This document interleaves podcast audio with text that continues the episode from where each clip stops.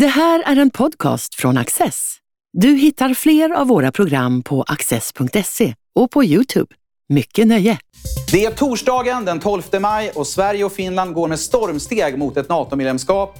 Och hur allvarliga är Sveriges Radios felciteringar? Och till sist, är Sverige ett paradis för miljardärer? Det här är veckans ämnen i panelen. Margareta Barabash, du är politisk redaktör i tidningen Östgöta-Correspondenten. Arvid Ålund, du är vikarierande ledarskribent i Dagens Nyheter. Och Sanna Reimann, du är chefredaktör för tidningen Alltinget. Varmt välkomna alla tre, säger jag till er. Tack. Ännu en vecka har snart gått och Sverige tillsammans med Finland fortsätter resan mot ett allt mer troligt NATO-medlemskap. Som ett av flera delmål på sträckan står det nu klart att Storbritannien lovar att hjälpa Sverige och Finland militärt i händelse av en attack utifrån. En tydlig signal mot Ryssland om att vi inte står ensamma under tiden en NATO-ansökan behandlas. Och idag kom beskedet från Finlands statsminister Sanna Marin och president Sauli Niinistö. Finland vill gå med i NATO. Margareta Barbars, det är väldigt mycket som händer väldigt fort just nu. Vad är dina tankar om den här historiska processen? Nej, men eh, de spontana tankarna är ju att det här är just som du säger, historiskt. Ehm, det här vi ger upp med 200 år av militär alliansfrihet eh, och det här är det största ehm, utrikespolitiska beslutet som vi har tagit ända sedan vi gick med i EU. Ehm, det har kommit mycket kritik om att den här processen har gått eh, väldigt snabbt och det kan man ju tycka. Framförallt då att eh, bara i början av mars, eh, de första dagarna eh, sedan kriget började, att Socialdemokraterna var väldigt skeptiska fortfarande till att gå med i Nato. Ehm, sedan har vindarna vänt. Ehm, Magdalena Andersson sa sen plötsligt bara en månad senare i det här programmet 30 minuter att hon inte alls var kritisk till att gå med i Nato längre och Peter Hultqvists uttalande eh, tidigare i veckan. Eh, det går väldigt fort och eh, på det sättet så förstår man nästan lite de här socialdemokratiska NATO-motståndarna ehm, som anser att det blir ett demokratiskt underskott när eh, partiet svänger så pass fort. Och, eh, det är något som absolut skulle kunna ehm, påverka förtroendet för eh, partiledningen. Ehm, och det är väl också lite det här att man vill få NATO-ansökan överstökat så snabbt som möjligt så att man kan fokusera på andra frågor sen i valrörelsen. Arvid Åhlund? Det känns som att det finns två liksom, fokusområden här. Det ena är själva sakfrågan eh, och där förefaller det nu ganska självklart att den måste gå fort av väldigt många skäl. Det handlar inte bara om oss det här. Det är liksom 30 länder som ändå är delaktiga i den här processen. Ehm, jag tycker att man får ganska tydliga indikationer, inte minst då under den här debatten mellan Ulf Kristersson och Magdalena Andersson Eh, i SVT i söndags att de är väldigt samspelta. De är samspelta av en anledning. De förstår liksom betydelsen av det här och varför det måste gå fort. Jag tycker att det har blivit väldigt tydligt, inte minst under de senaste dagarna. Eh, nu talade Expressen idag, det här är obekräftade uppgifter så vitt jag vet, men om att en svensk ansökan ursäkta, eh, kan tänkas skickas in redan på måndag. Eh, så att jag tänker mig att vi vet möjligen inte allt heller, men jag tror att man gör den bedömningen. Sen om det är för att Ryssland utgör ett specifikt hot på något sätt som inte vi vet, det vet inte jag. Eller om det är för att det måste liksom koordineras på ett sätt eh, snabbt med alla andra länder. Så kan det också vara. Men eh, att processen går fort, eh, det är bra och det är självklart och det är liksom av sakskäl. Socialdemokraternas eh, inställning och hur de har hanterat det här bör rimligen diskuteras, men kanske inte riktigt än, är min uppfattning. Först måste vi gå i mål. Först måste vi gå i mål, säger Arvid. Vad säger du, Sanna? Nej, men jag delar nog uppfattningen att bara det faktum att det... Alltså, visst, det finns en del kritiska röster inom S och sådär och det finns en viss debatt och det finns partier som är emot och sådär. Men enigheten och eh, smidigheten so far eh, i den här diskussionen och processen, i alla fall så som det ser ut utifrån, eh, i sig vittnar om att på något sätt att det finns en insikt högre upp om att läget är så allvarligt att detta är ett måste. Och det, ja, det får man nog ha respekt för, att allt det där inte går kanske att ventilera just nu. Men det kommer bli intressant att läsa en del biografier framöver mm. kanske. Eh, en av de S-röster som är besvikna är Göran Greider. Han tycker att den här processen går för fort och han hade hoppats på lite mer demokratisk eh, diskussion inom S. Eh, kan ni förstå det? Det kan jag absolut förstå. Men jag tror att det ligger just där att han kanske inte är den som sitter på underrättelseuppgifter som andra har och därför kommer det se så här ut. Eh, och det kan man givetvis alltid säga när man inte vet någonting. Eh, så att, nej, jag förstår att det kommer finnas en, en lite sårig debatt inom S. Det, det kan man nog förvänta sig. Eh, men det mer intressanta nu är faktiskt att det är så lite av den. Ja, det är en väldigt bra poäng. Sen tycker jag att eh, det är klart att det, det ska vara en sårig process för det är, är en väldigt stor omsvängning och det är ett väldigt viktigt beslut. Eh, som Sanna säger så har ju liksom NATO-motståndet inom S har ju krympt från sådär, vad som kändes som 90 procent till ungefär 10 procent på eh, en månad eller två. Eh, det jag tycker är intressant med det är att argumenten i sak uppfattar jag, eh, och det har jag skrivit ganska ofta, som ganska svaga, eller väldigt svaga. Och jag tycker att eh, Göran Greider är ett ganska bra exempel på det. Jag tycker att det är vaga argument som ofta saknar liksom, konkretion. Det är tal om att Sverige verkar för liksom, en, en bättre värld, men man säger aldrig riktigt hur. Och när man ber dem att förklara hur, då handlar det om att vi medlar och det kan vi inte göra som NATO-medlemsland. Eh, och då påpekar man att Norge medlar minst lika mycket och de är med i NATO. Så, så att jag tycker gång på gång att argumenten i sak faktiskt har varit väldigt svaga. Processargumenten har jag mer förståelse för, men det är ju liksom en intern S-fråga. Eh, och ja, liksom deras partikultur är ju, den kan man ju hålla ett eget seminarium om. Ehm, eh, men så att jag, jag har sympati för Greider eh, i den senare frågan, men inte så mycket i den första. För jag tycker inte att argumenten har varit bra. Eh, imorgon presenteras riksdagspartiernas gemensamma säkerhetsanalys som enligt eh, tidningen Svenska Dagbladet dömer ut alternativa säkerhetsarrangemang till Nato. Eh, två partier delar dock inte alla slutsatser i den här rapporten. Det är Vänsterpartiet och Miljöpartiet och de står ju som bekant fast vid sitt nej till försvarsalliansen. Hur stort problem är det här för Magdalena Andersson vid en eventuell framtida regeringsbildning? Men jag tror inte att det kommer vara ett så himla stort problem för båda de här partierna. Om man tänker efter, det är ju NATO-frågan, visst det är ju en, kan ju vara en stor fråga för vissa men det är ju inte deras hjärtefråga. Miljöpartiet har ju klimatet och det blir ju liksom arbetsrätt och arbetarrörelsen för Vänsterpartiet och man kommer inte tumma på de frågorna och få en chans att påverka i de frågorna till förmån för eh, NATO-debatten som eh, när det väl ska bildas regering, den kommer ju vara överstökad. Så man kommer nog att prioritera andra frågor då. Och eh, försvarsfrågor är ju väldigt heta just nu men när det kommer till kritan så är inte det den viktigaste frågan för de flesta väljare. Och framförallt inte för MP och V tror jag. De vet att det här loppet är kört. Jag tror att det säger rätt mycket om, eller man ska ha det på tanken när man hör hur de diskuterar, debatterar. Jag tycker att både Per Bolund och eh, Nooshi Dadgostar har argumenterat på ett närmast undermåligt sätt. Eh, det är liksom bara floskler och eh, i vissa fall direkta felaktigheter. Så där. Och man kan väl ha förståelse för att det, den typen av argumentation är riktad mot folk i de egna partierna som inte tycker om det här.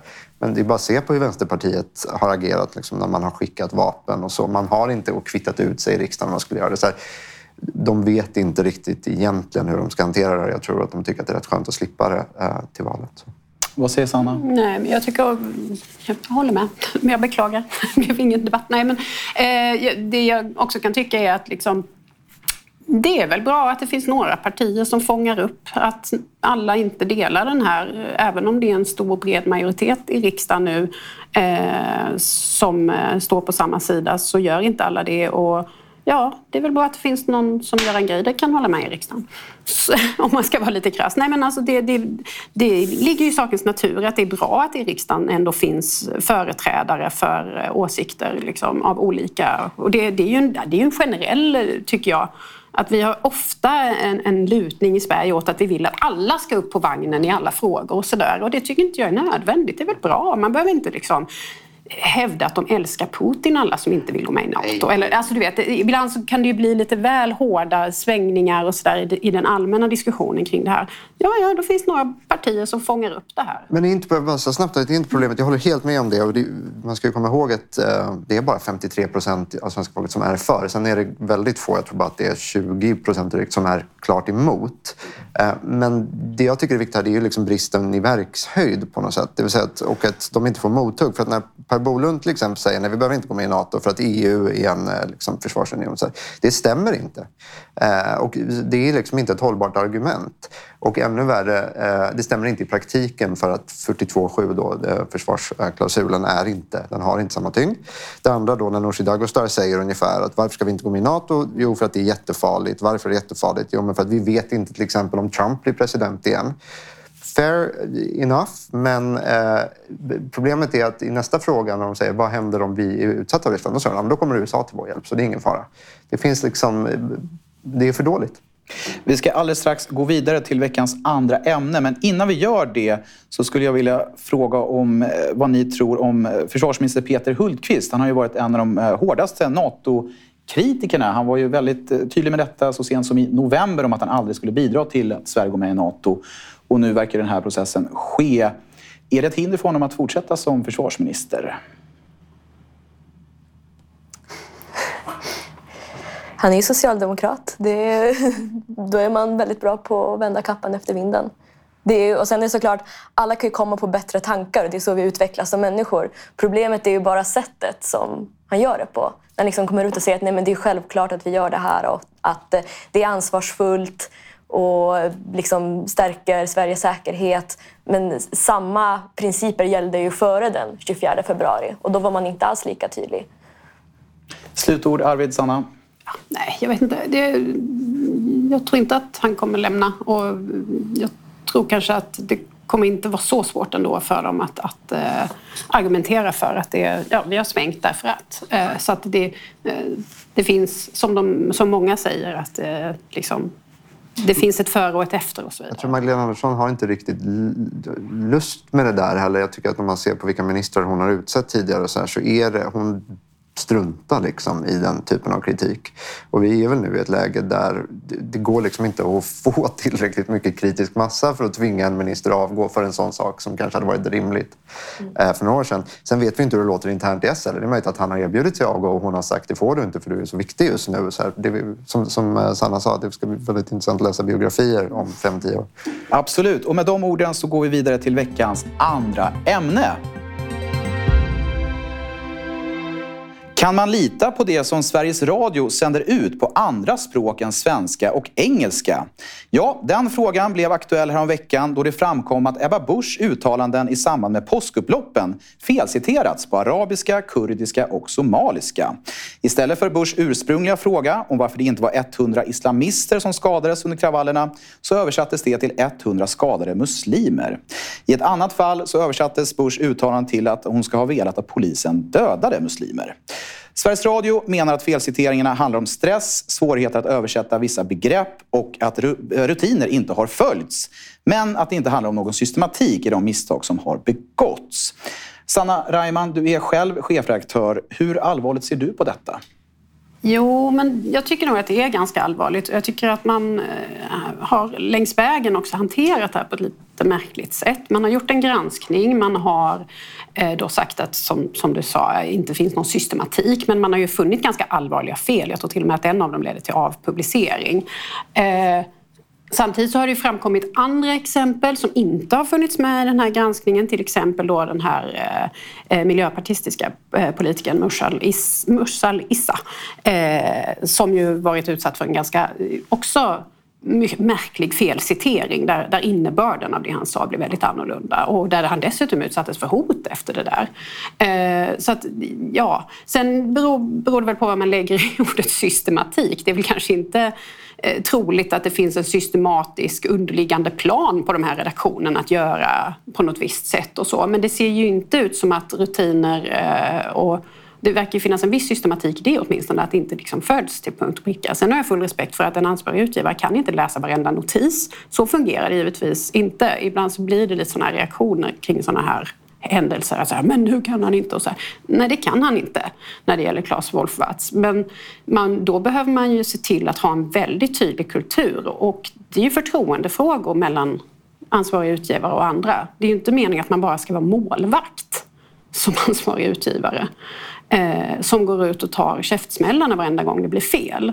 Eh, jag tycker heller inte att det blev särskilt eh, rimligt när man gjorde det här till en stor sak att man absolut inte ville träffa Ebba Busch. Eh, därför att rågången att man inte vill utsätta sig för påverkan från politiker den är jätteviktig, det håller jag helt och hållet med om. Eh, men det här handlar inte om att en politiker är ute efter att diskutera vinklar, innehåll i, i liksom rapporteringen på något generellt sätt. Det här handlar om en person som har blivit utsatt för felciteringar som är ganska allvarliga. Och på samma sätt som den här Mushal Issa sen har fått en skriftlig ursäkt så tycker jag bara på det på basis av att Ebba Busch är partiledare. Det är en större nivå på det så att säga under ett valår och så vidare. Att man ändå kan träffas och diskutera utan att på något sätt känna att man utsätts för politisk påverkan på något mer generellt plan kring journalistiken. Så att jag, tycker att, jag tycker att när man argumenterar på det sättet och vägrade träffa, sen tror jag att man har ändrat sig den, eh, i det avseendet, att man faktiskt skulle träffa. Kanske inte man någon nivå. Ja, så var det kanske. Mm. Men, men innan dess att man argumenterar på det sättet, då lägger man på något sätt igen bollen hos Ebba Busch och säger att det faktum att du vill träffa oss visar att du vill styra medier. Mm. och, och, det tycker inte jag att man riktigt har rätt, särskilt inte i det läget när man har gjort detta, har rätt att anklaga henne för. Så. Jag tycker att bara några snabba och korta. Jag tycker att det, det, som, det sista här är en knepigare fråga. Eh, själva sakfrågan är jätteallvarlig. Um, citaten är väldigt grova och de är felaktiga uh, och de kan få praktiska konsekvenser. Vi ser det i kontexten av vad som har rapporterats om Sverige uh, på andra språk som har varit rena felaktigheter med flit ofta. Uh, så att, det är väldigt allvarligt. Eh, det är klart det är systematiskt. Det är jättekonstigt att hävda att det inte är systematiskt eftersom hela systemet bygger på att du har en ansvarig utgivare som ska... Jag har inte din publicistiska erfarenhet men du har, för det första så har det skett flera gånger. Jag menar, då finns det ju någon sorts systematik i det, precis som du sa. För det andra så har du då en ansvarig utgivare som ska ha koll på flera olika språk som de inte kan. Och eh, jag vet inte hur rutinerna ser ut där, men till slut så handlar det om att lita på de som faktiskt skriver det här. Eh, jag vet inte vad man har för rutiner för det. Men eh, det i sig är ju ett systemfel. Vi pratade om Bulletin, kommer jag ihåg, då, som fick en, eh, den här nättidningen som fick en amerikansk chefredaktör och alla skojade om att det måste vara den första chefredaktören som inte förstår eh, sin egen tidningsspråk. Nej, uppenbarligen inte. Eh, utan det sker ju liksom eh, på Sveriges Radio också. Sen ska, jag vill bara tillägga, eftersom jag jobbar på Dagens Nyheter eh, där det publiceras artiklar på ryska eh, nu eh, efter att kriget har börjat jag menar inte att det här inte ska få ske. Liksom. Det, är, det är en jätteviktig tjänst. Vi pratade innan när kriget började om att vi måste göra, Sveriges Radio måste göra det på ukrainska och så. Frågan är bara vad man avsätter för resurser. Alltså jag tror att det, när sånt här händer, och jag tror, vi vet inte hur mycket det kommer visa sig att det här har skett tidigare. Jag sluter inte att vi får veta mer. Jag vet inte. Um, men jag tror att man måste, man måste, det är ju ett enkelt svar, man måste satsa resurser på det för det är jätte, jätteviktigt eh, för trovärdigheten. Det, alltså det, en sån här liten grej kan slå undan trovärdigheten för public service ganska mycket och det är jätteallvarligt. Margareta Barbars, kommer vi se mer felciteringar tror du? Eh, så, som Arvid säger så det, det, tycks ju vara som att det, det är ju något som uppenbarligen är fel i systemet. Att man dels då inte kan liksom kontrollera väldigt politiskt känsligt material för det är ju det det är och jag tror att de är väldigt medvetna om det själva. Och dels att man uppenbarligen inte har tillräckliga konflikthanteringsmekanismer när det här väl kommer upp. Att eh, man har anklagats för att eh, ha blockerat en arabisktalande journalist på Twitter efter att han hade påpekat det. Och sen så blev han avblockerad. Men, eh, Också jätteallvarligt. Ja, precis. Det blir ju som en förtroendefråga. Och, eh, vi, man får ju hoppas att de skärper sig och skärper sina rutiner. Eh, det, här, det, det, det, måste man göra när vi lever i en tid där desinformationen flödar. Eh, och att man dels då har en målgrupp som är väldigt mottaglig för just desinformation och påverkan. Det såg vi ju med eh, LVU-kampanjerna i våras. Ehm, det här späder ju också på eh, vissa idéer som finns bland de här mer liksom grumliga högergrupperingarna när man har den här idén om att eh, liksom PK och vänstermedia konspirerar och vill medvetet ehm, ehm, ja, eh, sätta högerpolitiker i dålig dager, de får ju vatten på sin kvarn när sånt här Men, händer. Det spär ju på polariseringen. bara säga en sak som jag tycker är viktig här. Det är att eh, krishanteringen blir, det här berodde på stress, bristande rutiner. Så här, vet de det? För har de gått in då och kollat? Vi, då har de, hoppas jag, gjort någon sorts inventering redan av tidigare material. För att annars blir det väldigt konstigt att säga att det här beror på stress. Om det skulle visa sig att folk, jag, jag gissar att en sajt som Expo till exempel sitter och går igenom gamla, gammalt material. Om de då hittar mer, då blir det ännu konstigare att man har sagt att nej men det här berodde på det. det var inte, liksom, jag tror ingen vet än om det här är systematiskt eller om det är gjort med flit eller bristande kompetens. Eller så. Så. Sanna? Eh, nej, men jag tänker också på eh, Claes Wolferts var ju ute även eh, i, i blåsväder när eh, vi hade den här eh, avslöjandet kring eh, reporten som hade en relation med eh, ett säkerhetshot, eh, om alla minns den. Eh, och den tycker jag var intressant. Jag tycker det är intressant av flera skäl, eh, också av publicitet. För ofta när det blir storm kring sådana här debatter så blir det en liten indignationsgrej i sig. Att så här, ja, åh, artiklarna ligger kvar. Eh, och där tycker jag verkligen, där tycker jag tvärtom. Alltså jag tycker, ja, jag tycker artiklar ska ligga kvar, alltid. Mm. Till exempel nu när jag börjar tänka på de här frågorna inför att jag ska stå här och prata. Då vill jag kunna gå tillbaka och titta på det också. Då är det jättebra att de artiklarna ligger kvar. Givetvis med fotnoter om att det här, eh, det här har vi, den här har fått kritik och det här och det här har hänt och länk till längre förklaring och sådär så att man får klart för sig att det inte eh, längre stämmer. Men att avpublicera rakt av är en ganska stor sak. Vilket eh, Sveriges Radio också argumenterade för i förra vändan. När, när det var den här frågan om det här säkerhetshotet och reporten som fick sluta och sådär. Då sa man vi låter alla de här artiklarna ligga kvar. Vi har fått kritik för det men vi anser att det är viktigt av transparensskäl och så. tycker jag var helt rätt. I det här fallet har man alltså gått in och avpublicerat en artikel. Och det säger ju något om hur felaktig den var. När man verkligen inte i det här läget känner ens att man kan inte ens låta den ligga där med en kommentar utan det måste bort bara. Eh, så att det, det tyder ju ändå på att det finns liksom ett problem som är rätt stort. Och det får runda av eh, det ämnet, för nu ska vi prata om pengar. Har det svenska folkhemmet blivit ett paradis för miljardärer? Ja, det menar i varje fall ekonomijournalisten Andreas Cervenka i sin nyutkomna bok Girig Sverige. Den beskriver ett land där låga skatter på kapital, skenande bostadspriser och minusräntor har skapat en enorm förmögenhetsomfördelning från fattiga till rika. Det här är inte en helt okontroversiell tes som har väckt kritik och vi ska prata om den alldeles strax. Men först ska jag fråga Arvid Ålund om han håller med mig om min sammanfattning av Cervenkas bok. Um, ja, i stora drag, ja. Absolut. Um, sen kan vi diskutera... Kritiken mot den är väldigt spretig. Den är ganska spretig i sig också. Jag håller till exempel inte med om den penningpolitiska analysen av. Inte för att den inte stämmer, utan för att man måste sätta den i ett mycket större, en större kontext. Um, så. Men i stora drag, mycket, mycket ja, absolut. Och ni andra, har ni, vad tycker ni om Cervenkas bok? Jag har inte läst den så att jag känner att jag nästan måste mäla ut mig ur debatten. Eh, Men, eh, eller så. Har Sverige för många miljardärer, Sanna Reimann? Ja, men precis. Det där är ju en intressant fråga och det har jag också sett i debatten om boken. Att det, det, inte ens det är vi ju eniga om. Och han, vilka har han valt ut när han säger att det finns miljardärer och sådär. Men jag kan bara mer generellt reflektera över att jag, mitt intryck av den här boken är väldigt mycket att det här är en sån här hela skiten-bok. Hela systemet är fel och sådär.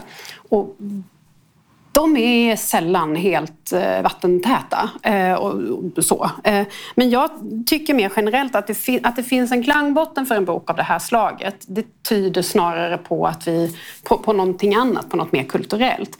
Jag skulle säga generellt. Eh, hans poäng verkar ju vara att vi har blivit eh, vi är så materialistiska och alla i Sverige vill bli rika. Och så här, jag uppfattar Sverige som ett tämligen alltså, tvärtom ganska mycket andra värden som lyfts högre än just att bli rik och sådär. Eh, och vi har en ganska låg acceptans för skillnader. Och jag undrar om det inte är det faktum att vi har, vi har ökade skillnader. Vi har fler utsatta, fler fattiga och sådär av olika skäl. Eh, och att det, den förändringen i samhället i stort föder de här reaktionerna. För att alla är inte villiga att acceptera att det ser ut på det sättet. Och det, så är det. Jag tycker, alltså så här, jag tycker kritiken mot boken är ganska lam. För det första för att jag tycker att den spretar. eh, Vissa säger då liksom Vadå paradis för miljardärer? Det stämmer ju inte. Samtidigt som de säger men det är väl jättebra att vi har många fler miljardärer. Och då har man väl i någon mening gått med på att, det, det, att man kanske tycker att det är bra om att Sverige är ett paradis för miljardärer. Vi har många fler miljardärer än vad vi hade för 20-25 år sedan. Antingen kan man ju tycka att det är bra eller dåligt. Eh, på liksom normativa grunder. Om man är väldigt vänster tycker man per definition att det är dåligt. Är man höger så kanske man per definition på ett ganska slappt sätt tycker jag tycker att det är bra. Ehm, men det, alltså, det, är, det, är, en svår diskussion på så sätt att min väldigt enkla bild av det är att det beror ju såklart helt på man, hur man har blivit miljardär. Eh, om man har blivit miljardär på att eh, skapa någonting som fyller en social funktion och som folk tycker är bra och är villiga att betala för och det inte skadar klimatet allt för mycket. Liksom, jada, jada, jada. Då är det väl i grund och botten bra. Eh, är det, beror det på rent-seeking eller att vi har ett system som inte fungerar där folk liksom låser in sig själva och kan skapa pengar? Så, så som folk blir miljardärer i väldigt många länder. En Carlos Slim i Mexiko till exempel. Eh, då är det en helt annan grej. Så det beror helt på hur systemet är konstruerat. Liksom. Du får nästan förklara. Vad är rent-seeking? Rent-seeking är ju helt enkelt att man i, kanske eh, genom inträdesbarriärer och så här, marknadsbarriärer och så, se till att man... man eh, hur ska man förklara? Jag tror att Economist förklarar det som att man gör inte pajen större utan man tar en större del, bit av den.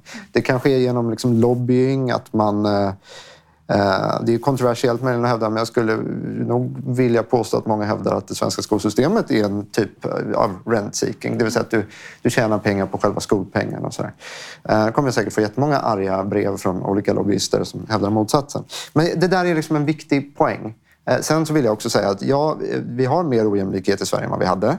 Det beror dels på att vi har haft hög invandring som gör att vi har många, det som brukar kallas för en etnifierad underklass. Eh, det är ett kontroversiellt begrepp, men det stämmer i utsträckning. Vi, har, vi är också ett mycket mer globaliserat normalt land än vad vi var för 20-30 år sedan. Eh, vilket betyder att vi har många fler miljardärer. Våra miljardärer är mycket, mycket rikare än vad de var. Det är bara att kolla vad en villa i Djursholm kostar nu för tiden jämfört med vad den gjorde. Den kostade kanske 5 miljoner, en normal villa, eh, 2005. Idag kostar den 25 kanske. Eh, och jag tror som Andreas Berg som är bra så påpekade om Cervenkas bok, det beror dels på penningpolitiken men det beror också på mycket mer djupare strukturella faktorer. Så. Så Cervenka i sin beskrivning har han ju i viss mån rätt. Sen om man, hur man ska värdera det, det är ju en politisk fråga. Margareta, är Sverige ett paradis för miljardärer? Och är det ett problem i så fall? Alltså, jag tycker att hela den här miljardärsdebatten har blivit så himla konstig i liksom, kontexten av den här boken. För du har ju dels ja, men, sådär, Timbrohögern, om man får kalla dem lite så, som liksom nästan reflexmässigt eh, kommer fram och säger att Nej, men det är jättebra att vi har många miljardärer för att de skapar rikedom och, och så liksom, vi vill inte gå tillbaka till DDR-Sverige. Men Cervenkas kritik handlar inte om det. Det handlar ju snarare om eh, hur de här eh, miljardärerna har skapat sin förmögenhet. Och liksom, den här ideolo väldigt här, ideologiserade högern har lite den här tankegången att jo, men det här är liksom riktiga Ayn Rand-typer som har skapat liksom helt fantastiskt stål som har gjort mänskligheten till eh, en bättre plats. Och sen tittar man liksom hur många av eh, de här nya miljardärerna som Cervenka beskriver, hur de har skapat sin förmögenhet. Och ser man att ja, alltså, så är det inte. Så här, dels är det många som har ärvt kapital och sen så är det många som har gjort eh, mycket pengar på fastighetsaffärer. Till exempel att man har köpt upp eh, hela bostadsområden, eh, liksom utanförskapsområden, gjort punktrenoveringar och sen så har man kunnat sälja det sen för ett högre pris. Till, och konsekvensen av det blir ju att hyrorna höjs och de som bor där har sen inte råd att bo kvar. Och det är det som är problemet. att det, det, det är ju så här, man, jämför, man säger ju att vi i Sverige har så stora klyftor, att det är större klyftor än Brasilien och Ryssland. Och det är ju ett, det är också lite konstig kritik för att vi har fortfarande väldigt hög lägstanivå. Det går inte att jämföra fattigdom i Sverige med fattigdom i Ryssland eller Brasilien. Men liksom när eh, kvadratmeterpriset på bostadsrätter har höjts med 800 procent sedan slutet av 90-talet. Mm. Det är inte bara arbetarklassen som inte längre har råd att eh, att köpa sin första lägenhet. Det är, liksom, det är medelklassens barn som inte längre har råd. Det är ohållbart i längden. Precis. Um, så att sparande, att det inte lönar sig att ha pengar på sparkonton utan du måste göra en bostadskarriär eller du måste liksom ladda ner Avanza och sitta och hoppas på att börsen fortfarande kommer att gå uppåt. Jag tycker också debatten är väldigt grund. Alltså. Men, ja. Nej, jag, det bara slog mig. Jag... Slutord, Sanna. Jaha, ja okej, det får jag skynda på. Nej, men jag läste och jag vet inte hur, hur gedigen den undersökningen är, men jag såg alldeles eh, idag på morgonen i, i Fokus att eh, det var någon ny undersökning bland unga. Att ungdomar, de prioriterar numera rikedom framför att ha ett jobb som de gillar eller tycker är intressant och sådär när man pollar bland ungdomar. Och det där tycker jag ändå är ett intressant skifte, för så vill inte jag minnas att jag har sett att ungdomar har prioriterat på väldigt länge. Sen vet inte jag vad det beror på. Jag tror mer på eh, influencerkultur. Och, Instagram. Ja, men den där grejen att man, man tror att richness är liksom grejen. Det är våras för Gordon Gecko, kanske. Du, det får bli slutord för den här veckans panel. Stort tack för att ni har varit med. Du har just lyssnat på en podcast från Access.